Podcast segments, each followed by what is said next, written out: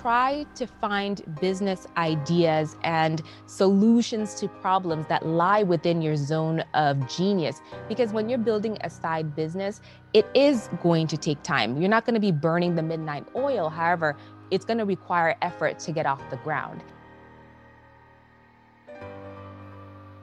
This is Courtney Mason, and this is the Millennial Dreamers Podcast, where I profile successful millennial entrepreneurs, creatives, artists, and thought leaders who are navigating the unconventional life of their dreams and profiting from their passion. I also share inspiration and career tips to help you take the leap of faith and go after your dreams. Is it really possible to create an online business from scratch while working your 9 to 5? It absolutely is. And today's guest, Serwaa Adjei-Pelle, is sharing practical steps that can and will help you do just that. Serwaa is a business strategist and consultant at Pelle & Co., where she works one-on-one with small and medium-sized businesses to help them grow through the use of strategic planning and the creation and implementation of content strategy. Serwaa previously served as a vice president at Goldman Sachs, where she managed commercial real estate investment operations for the investment banking, private equity, and distressed and special situations businesses. She is now using the information she gained from her previous job to help other boss women launch and grow their own businesses. This episode is full of so many amazing strategic steps and just nuggets of wisdom. So have your notepads ready and let's get into it.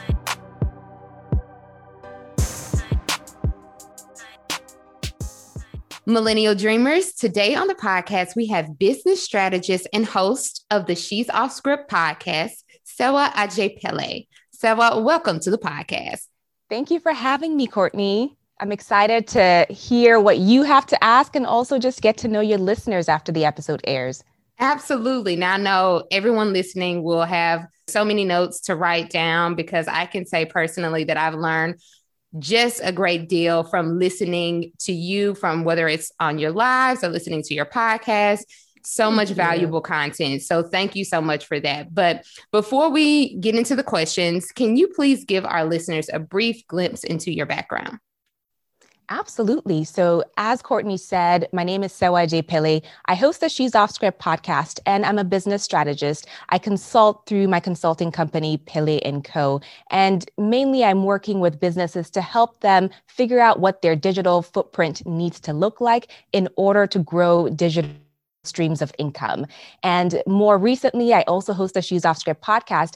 And for the individuals who are listening to us, we've rolled out the Side Business School, which allows them to also create an online business as another stream of income to their nine to five.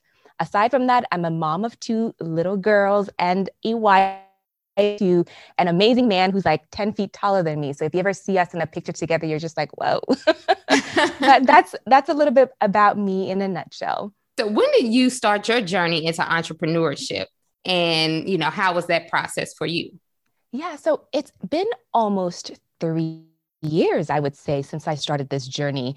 And for me, I'd always been interested in entrepreneurship. And like many of you, I was inhaling podcasts and um, following people online, just trying to see how did they do it? How did they do it?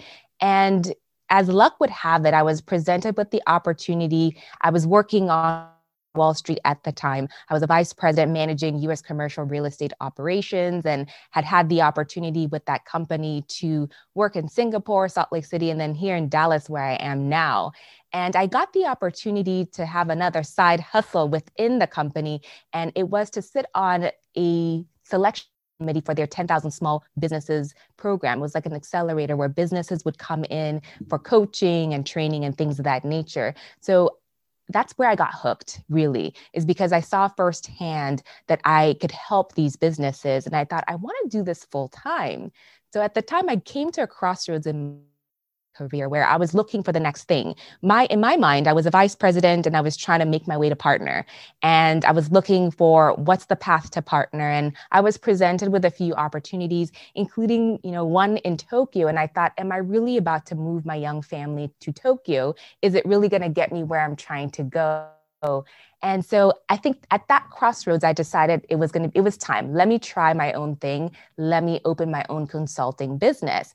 And it's very interesting that within six months, I'd landed a client. And um, I'd also then decided to start this podcast as a way to document my journey into entrepreneurship because from the outside, people were looking in like, what are you doing? Like, you seem to have it made. You're making a lot of money, working for a prestigious company, your efforts are being recognized. What are you doing? So, the podcast was a way to show people what I was up to, but it very quickly turned into a way for me to just highlight other women who were taking what I like to say a unique path or creating their own unique blueprint for success. And the rest is history. That's really how you came across me. Yes, it's interesting that you started in a leadership position and you were helping companies, but you also now help entrepreneurs. That explains a lot that you know you were working at such a high level in your former job that now it translates effortlessly to what you're doing now because it just kind of streamlines and everything looks top tier. Thank you. And it does. I think that makes it easier when you're looking to start a business is if you're doing something that's familiar to you and something that you can easily translate into or transition into, it's less, there's less friction. You're not having to learn how to run a business and learning how to actually deliver the product or service you're trying to deliver. So I always encourage people to operate within their zone of genius. And we can we can delve into that a little bit later in the conversation, but it makes things a little bit easier. Absolutely. I agree 100%. So let's delve into the to the questions now. So you recently held a 5-day masterclass which was full of valuable content about how to create and launch a profitable online business from scratch while still working your nine to five. So mm-hmm. I want to discuss some, a few of the topics that you covered because they were very concise and each topic answered a lot of questions that our listeners will likely have if they are interested in starting an online business. So first, what are some of the myths associated with starting a business? So I would say just uh, just to preface that a lot of people see entrepreneurship probably through the lens of what's been popularized within media. And you have to remember a lot of the narratives that are out there are solely for entertainment purposes.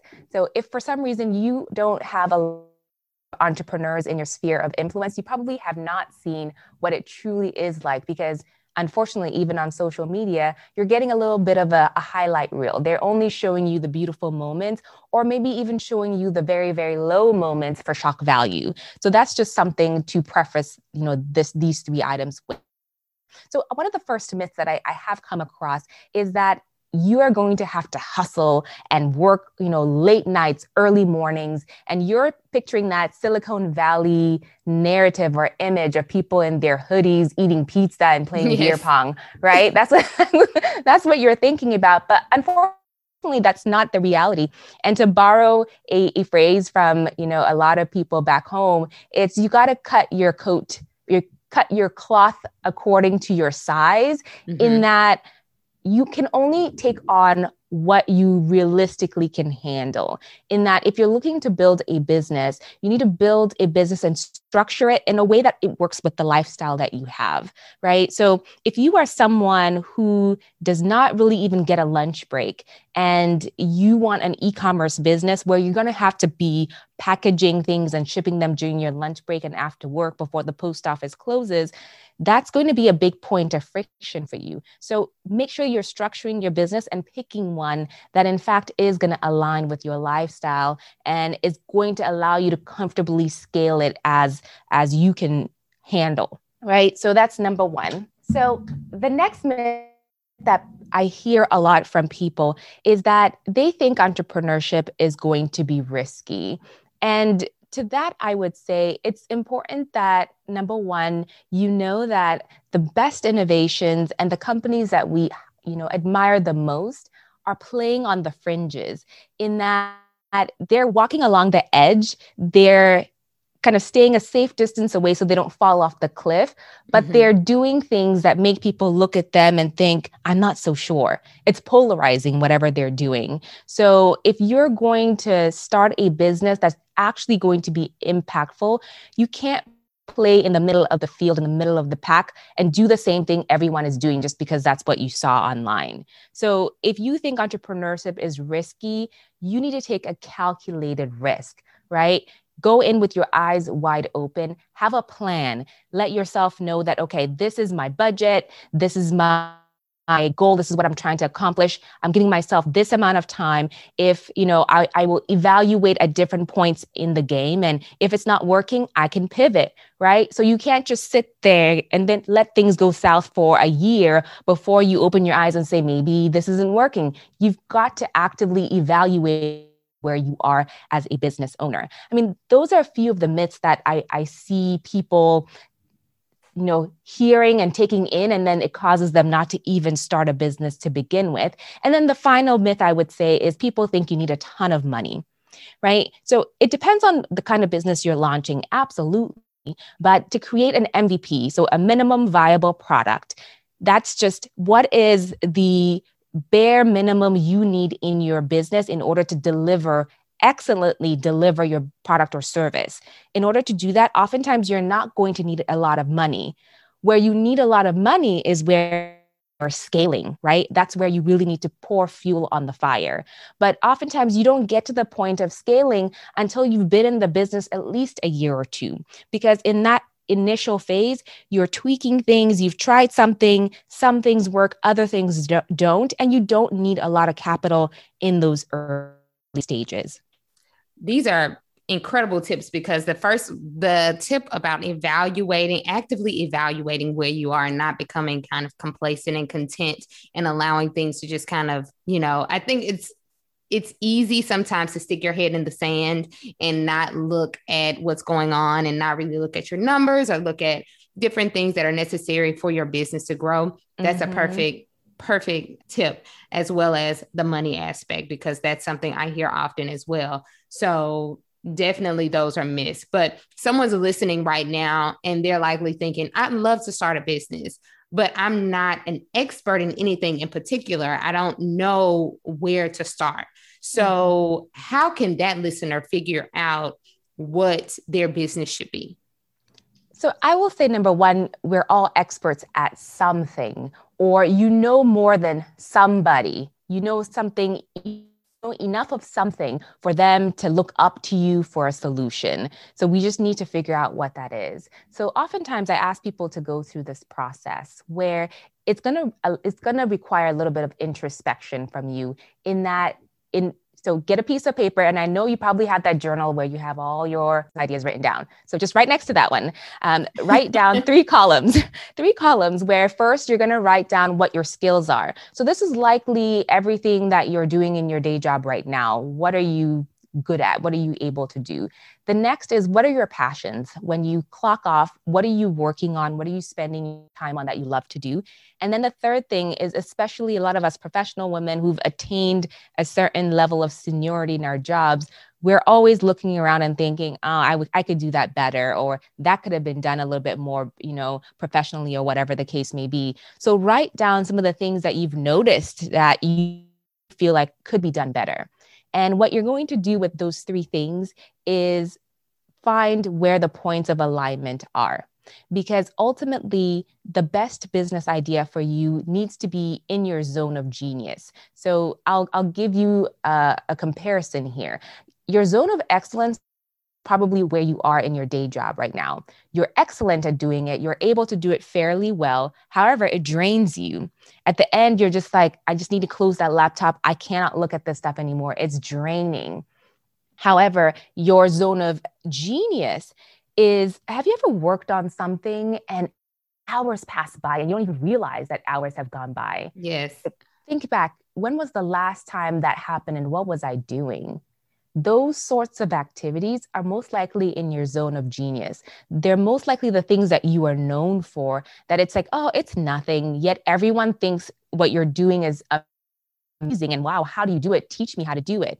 So try to find business ideas and solutions to problems that lie within your zone of genius. Because when you're building a side business, it is going to take time. You're not going to be burning the midnight oil. However, it's going to require effort to get off the ground.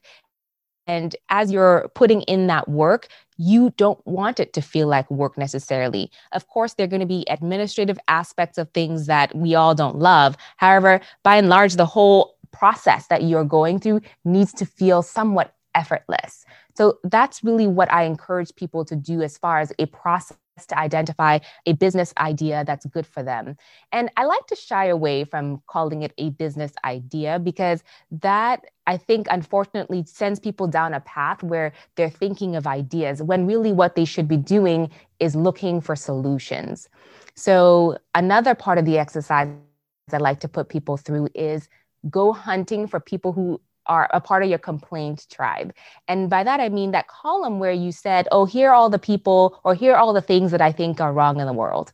Go online and look for people who agree with you. So you'll often find those people on Amazon if you're creating a product. Yes. Go on Amazon, look at the reviews, filter for the three star reviews because the people with the one star review are livid and you're not going to get anything productive from them. The people with the five star reviews are just so happy. They're just like, it was great, right? And, it, and they're off. That's there's nothing constructive in there. Right. However, the three star review people, they got time. They are upset because you should have done this, this, this. Oh, next time I'm buying from this other product, they're going to tell you everything. And where they say the product has fallen short is your opportunity. Because if there's nothing new under the sun. Chances are you're going to create a product that somewhat exists. It's just that you're going to improve on it or you're going to create a version that's targeted towards a different niche. So, what you're going to want to do is play within the areas that are not being addressed already. So, Amazon is just one place that you can go to find your complaint tribe and spy on them, listen in on the conversation, and see what's missing out there. So instead of really thinking about, I need a business idea, think about the fact that I need, to be able to provide a solution to a specific group of people. And I've actually implemented that before because I have a product based business as well. And I've spent time on Amazon scouring the review section of mm-hmm. other people's products who have like books and children's things, just writing down what they said. That's genius advice. Finding the solution as instead of thinking of it as just a bunch of ideas. Ideas. That's why you keep spinning around in circles. You haven't picked one because you haven't completed the thought pattern there. It's not just about the idea. It's about the solution and who are you p- providing it to. Now if you are a service-based business you might check youtube instead or wherever people who are in that service industry are going for solutions? Where are they gathering and where are they having conversations? Is it inside of Facebook groups? Is it in the comment sections of YouTube videos? Sometimes on YouTube videos, people will say, next time, could you create a video that covers X? Or, you know, I didn't quite get this part. Could you explain? Right? People tend to have those kinds of conversations that highlight the gaps in the markets on YouTube. Got it. And for the busy person on the go with tons of priorities, how do they make time to launch their business? And that's one of the biggest issues I think people face when it when they think about I need to I want to launch a business but I don't have the time. And I think that's oftentimes one an organization issue and largely a mindset issue. So in order to create time to work on your business, you need to first evaluate where your time is going. Uh, you might find that there is time, but you're going to have to let go of the binging on Netflix and whatever else you're doing because, you know, you can't spend seven hours on Netflix and say, I don't have time to work on my business. Right. So, you really have to, first of all, do an audit of what you're spending your time on. Once you've done that audit, I, I, encourage people to do what I call a batch your life challenge. And in that challenge, I'm challenging people to find things that they can either stop doing, they can delegate, or really they can find ways to automate them, right? So either stop, delegate, or automate the things that you're doing in your life. The things that you're going to stop, it's, I don't even know why I'm still doing this. I'm doing it out of habit right? And no one needs to be doing this anymore. Or maybe it can be automated. The things that you can delegate, this can help you in your professional life as well. Because if there are instances where there's an emergency at work and for some reason you're the only one that can handle it, therefore, here you are late at night still working because I'm the only one that can do it. That's a problem. I would say, if you're just from an operational risk perspective, that's a problem. So you need to train other people to be able to step in and handle emergencies. So it frees you up. Same in your home life, right? Are there things that you're the only one who's doing and why, right? So I have a five and a seven year old, and now those girls are unloading the dishwasher. Okay, I'm gonna use the little hands. They can help. They're setting the table so I can be doing something else real quick, wrapping up work. So mm-hmm. use the people in your life to help you to free up time. Because if you are the kind of person who thinks things can only be done perfectly by you, you're going to struggle even when it comes to building a business. So create time in your life by batching, by getting rid, by delegating. And when it comes to batching, it's not just um, identifying the like items, but it's also doing them at the same time. You need to be able to find ways to reduce the friction between activities. So I give the example if you are cooking dinner and then you think, oh, I need to do my daughter's hair. So then you jump to do your hair and you go back and forth. That just doesn't make sense. Right. Right. Like you got to finish one like activity, do your all your cooking, then you can come do all your hair stuff. Right. So you need to think about what are the like activities that I can do seamlessly. I can just move from one activity to the next, put them all at the same in the same place. So not just in your home life or your work life, but also the same with your side business. I know weekends are gold. Plan out these are the days I'm going to do all of these like activities, and that will really help you to create space in your life for the side business. Got it. So I can cook, do all my cooking, clean out the fridge, and maybe do a little organization in the kitchen to get all, some stuff done. all at once, right? Just have that all done. And sometimes you could do it in 15 minute increments. Just set a 15 minute alarm, and that's when you scurry around and just do everything. You can get more than you think done in 15 minutes. That's true. I downloaded the Focus Keeper app and it's in 20 minute segments. Ah, yeah. You do, mm-hmm. you do 20 minutes and you take a five minute break and then you do 20 minutes. And I think after four of those rounds, then you can take a longer break, which I think is a 20 minute or 30 minute break after that. Mm. Um, but that has helped me to not be distracted by all the things. So, yeah, because I think people for some reason think that multitasking helps them get more done. However, research has shown that multitasking is inefficient, especially if you're multitasking in unlike activities because of the friction of moving from one activity to the next. Yes, got it. And now we've debunked the myths, we've decided what the business will be, and we've made time for everything, which is great. But any business that's viable needs customers. And if you're launching an online business, you need an audience or a tribe who can then become your supporters. So, for someone who's relatively unknown in terms of being an expert at anything in particular, how can that person build an audience when no one knows who they are? So, Courtney, I will I will turn this around on you. When you were first promoting your first business, where did you find your initial customers?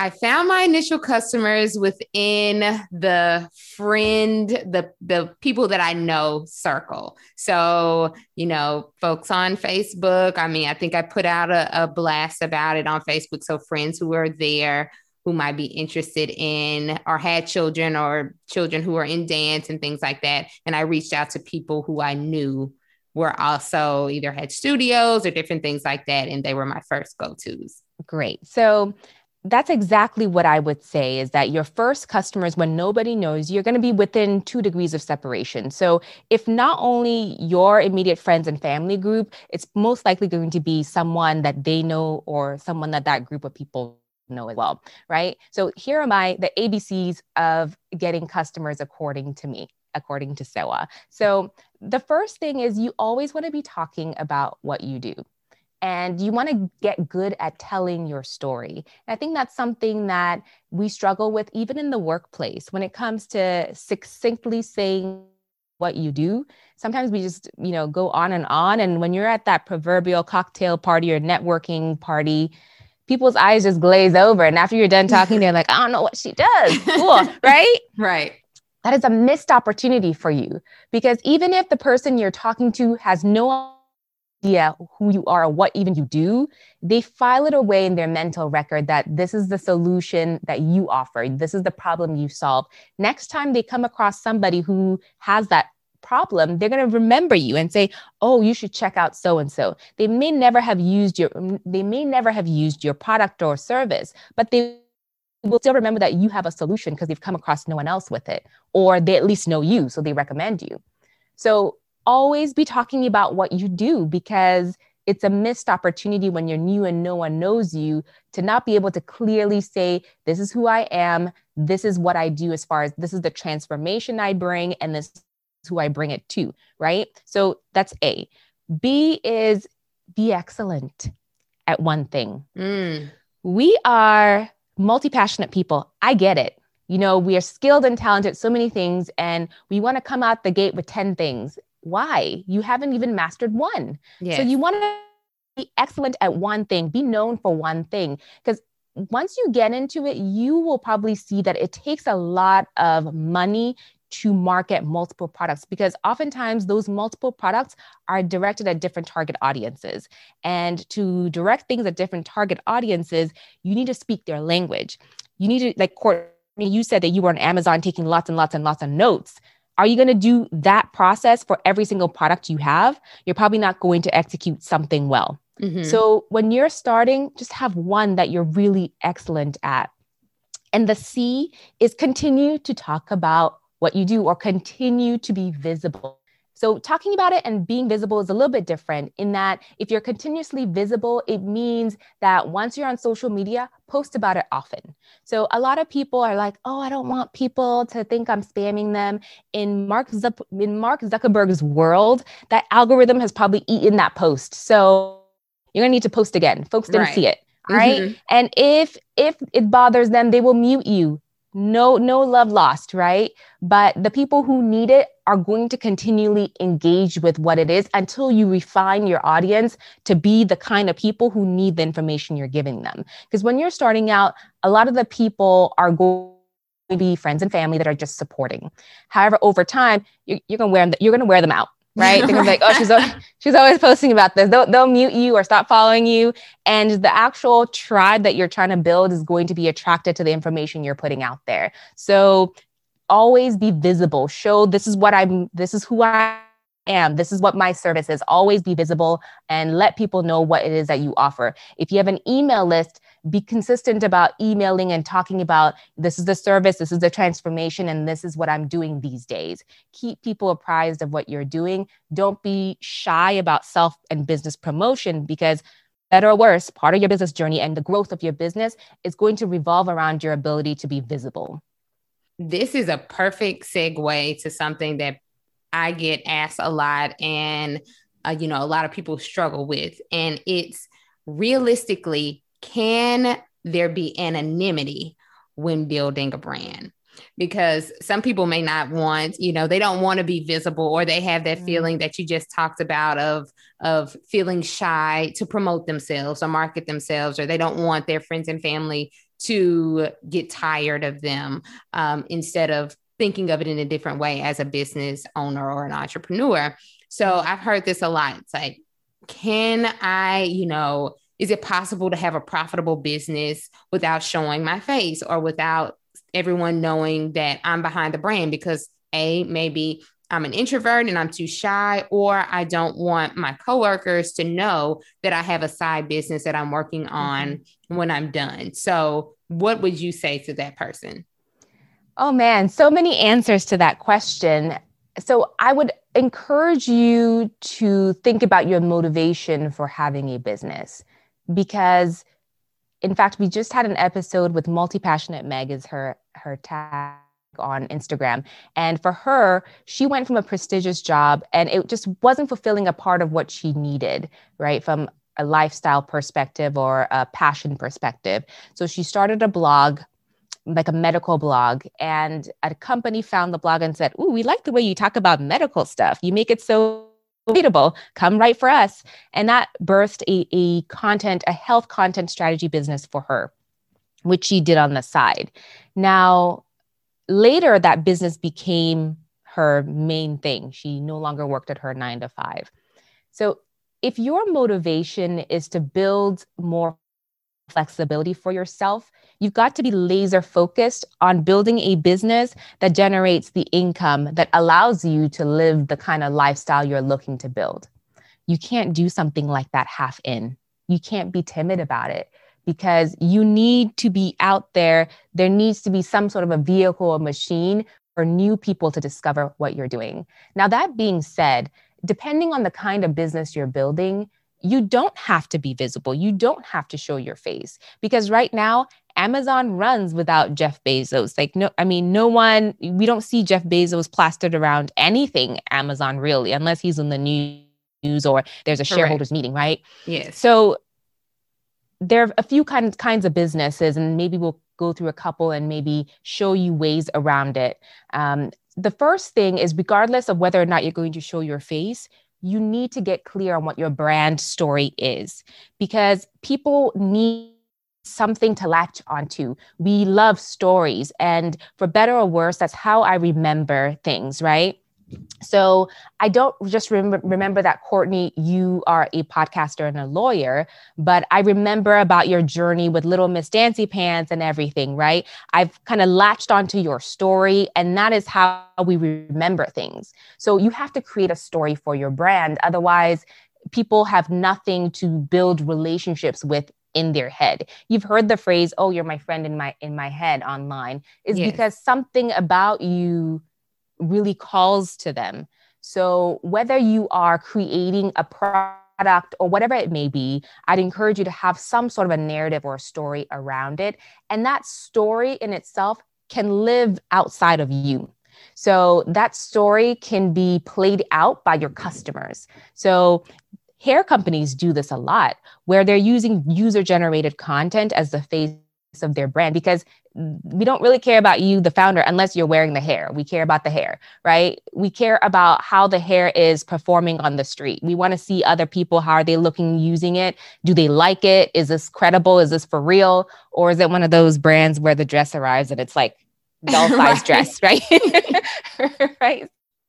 We want to know what it looks like out in the street. So if you have a product based business, I would encourage you to start guerrilla style in gifting it to people influencers family friends get them to wear it you know get their permission to put it out there see if they'll give you reviews or a video of them telling you know this is why i liked it and they can be the face of your brand. It's easier to do with a product especially if it's a low ticket product because people don't have to think before they click and purchase. As long as the reviews seem like they're in alignment with what they need you're good to go right? So that's one side of things. A service based business, depending on how high the ticket is, people need to see somebody. I need to hold somebody accountable before I drop five grand on something. I need to know is there a proven framework? Who's going to be the person I go back to for my refund? And most likely, you're going to need to do a sales call. So you need to be face to face in some capacity, but it won't be public. Now, you're thinking about the when you're thinking about the public facing side of this, once again, you need user generated content. You need testimonials from people saying, I went, I used this service. Yes, it was worth the five grand, and you should definitely hire her too. Right. So you don't necessarily need to be at the forefront of it, but people need to know who is behind it and providing the service before they're going to you know open up their wallets. So you need to think about the kind of business that you build before you build it then right? Kind of going back to early in our conversation you have to build a business that fill that that fits your lifestyle and that also fits your level of comfort so if you're not comfortable being the face of your business, then you can't have a personal brand based business. Um, we had Dana Bolden on on the podcast, for example, and she's a personal brand. She has built, for example, she has a fitness community now, and I'm sure there are products around the fitness community that she the face of and people see her body they see her exercising and they're inspired by it so because of her they latch on to it if you are not going to be that kind of a figurehead at the forefront of your business, don't launch that kind of business, right? So there, as as I said, there are a lot of different ways to approach it. You just have to be strategic about it. Or finally, I would say get a partner. If you are the behind the scenes kind of person, get a partner who does not mind being the the face, the front, the more extroverted partner, and you come to an arrangement around that these are good tips for if you're building, like you said, from scratch, because it's like thinking about these things before you even get started will help you not fall down, you know, get going. And then later on, you're like, actually, I don't want to be seen. I don't want, right. you know, you know, I don't want right. that. So that's a, that's actually really helpful for anyone that's saying, I don't know where I want to start. I don't know what I want this to be. These are tools and tips that you can use before you get everything off the ground. And you're launching a brand new program that goes even more in depth on all of these things that we've discussed, plus so much more. And I know anyone who's listening is has a notebook full of tips from what you already said. So the program is called the Side Business uh, Lab. So tell us a little bit more about that program and what to expect from it.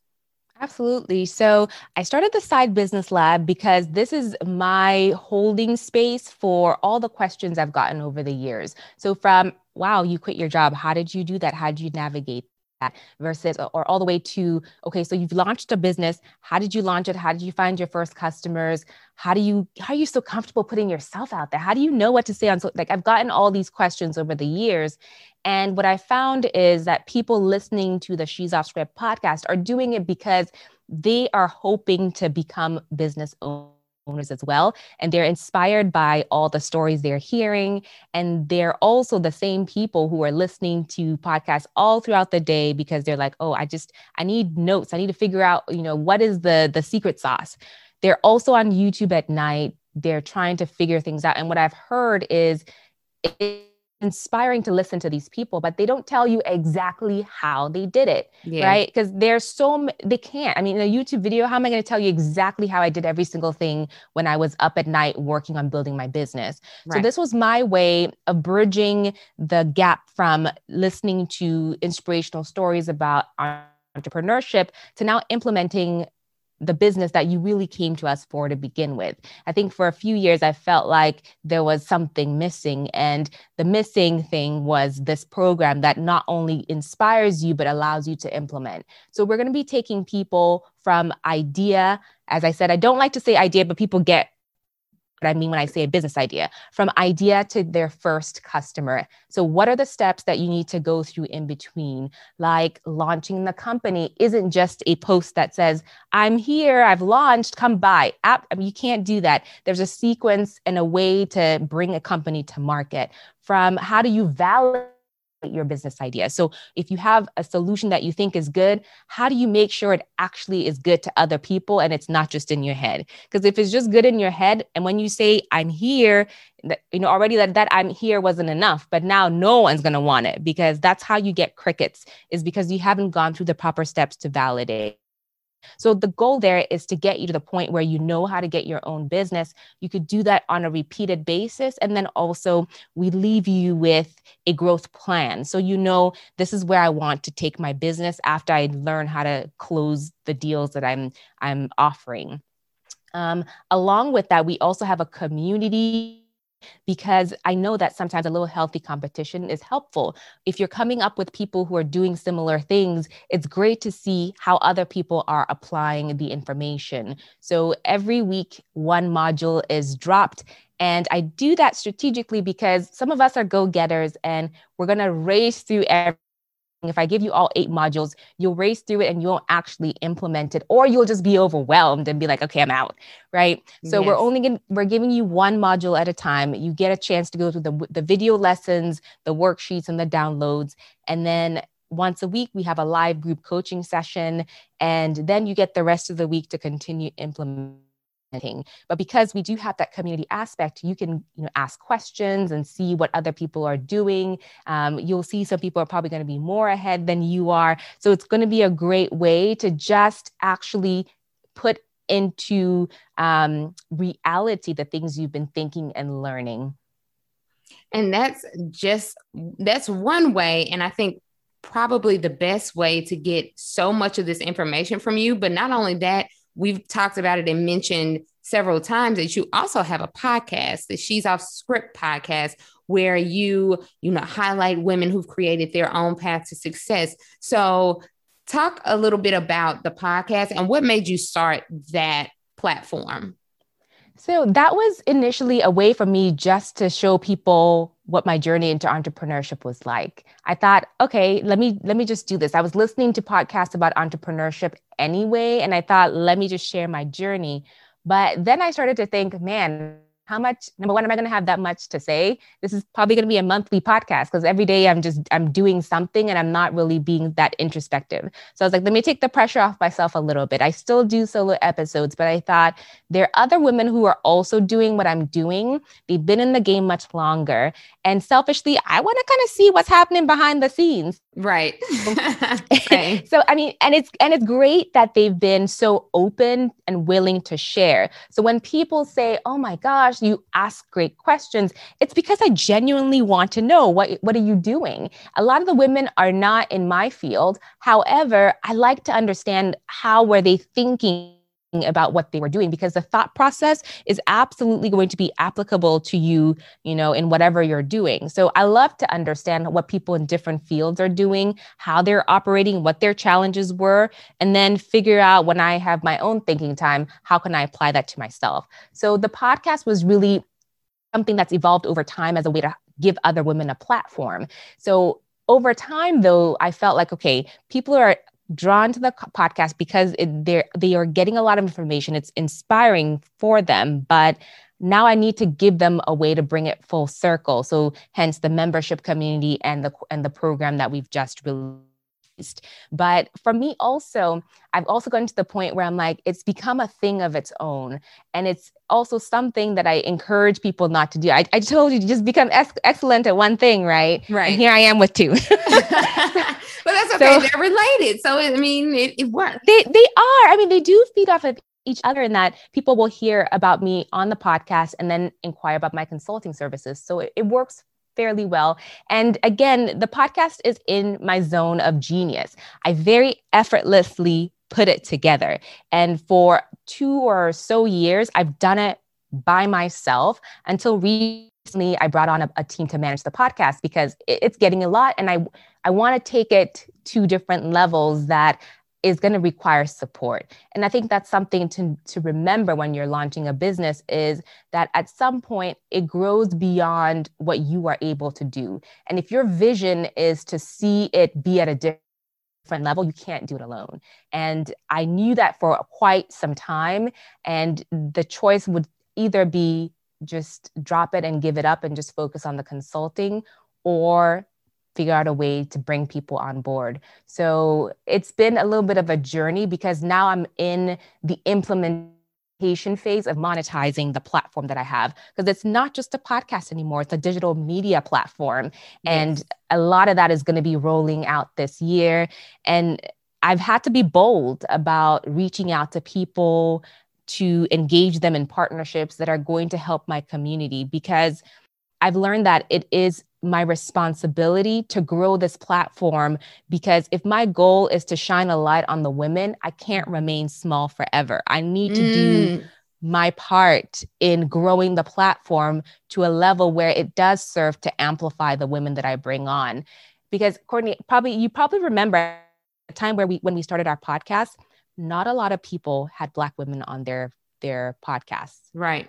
Not a lot of the big people did. And I noted that. And I think I made a conscious decision to focus the platform on Black women because I was like, no one else is really sharing our stories in this way. However, recently, due to certain social issues, more people are starting to do it. Yeah, I mean, that's true. I, I, I say that tongue in cheek because I, I, you know, I don't know how, what is it? What's the word? How is it not truthful? But you know, you get what I mean. Like, right, yes. you, you don't know it's coming from, but I'm glad they they are open to it now. However, yes. for me, I felt like I do have a responsibility to grow the platform so that we at least have a way to uh, amplify ourselves. That's a beautiful way to put it. And you're literally speaking directly to me when you say that's why I was like, oh, that is for me. There's a responsibility to grow this. And I, this has been for me um, a labor of love because it, it's something that I enjoy doing. I enjoy having these conversations because, much like you, I've an entrepreneur who's figuring things out, and I just want to know what how other people, the mindset that they had when starting their business and growing it. And I know other people want to know the same thing. So these mm-hmm. stories are mm-hmm. really helpful.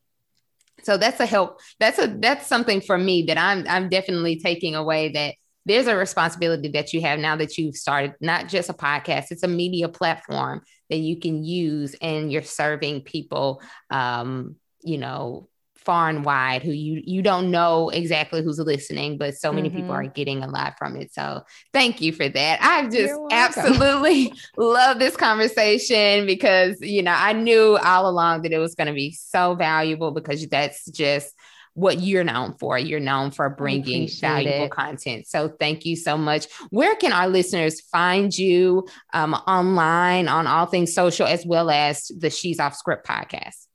So let, let me list them all out for you. So if you, if you want more of our novice, I, I like to put it, if you're in your exploration phase of trying to figure out I want to start a business, the She's Off Script podcast Instagram is a great place for you to start. So that's at She's Off Script. And if you click on the link in our bio, you'll see I have a free list that you can download of 30 free business ideas and how to select them. I have worksheets in there you can use to pick one of them for you. So goes over the process that we talked about today. And you'll see that there's a YouTube video that goes along with 10 of those business ideas. I, where I feature people from the podcast, women from the podcast who have actually implemented the business ideas. So that's something for you if you go to the She's Off Script podcast Instagram page. If you're looking to catch up with me and see what I'm doing, the behind the scenes of building my business, you can go to at Serwaa. So that's S E R W A A underscore AP. That's my Instagram. Now, for those of you listening that have more established businesses, you can come to Pelle and Co, which is my consulting business, and we can talk about all things digital business strategy. I can we can help you create a strategy and implement it. I know as small businesses you don't always have the bandwidth to implement the things you know you should be doing, so you can work with me and my team to get things going for you so you can grow your business to the levels you envision it at in 2021 and beyond. Amazing. So excited. Everyone, write it down. I'm going to have uh, all the information in the show notes as well. But thank you again, Serwaa, for being on the podcast. I'm just elated to have this information out here. So um, thank you again. And Millennial Dreamers, we are signing out. Peace.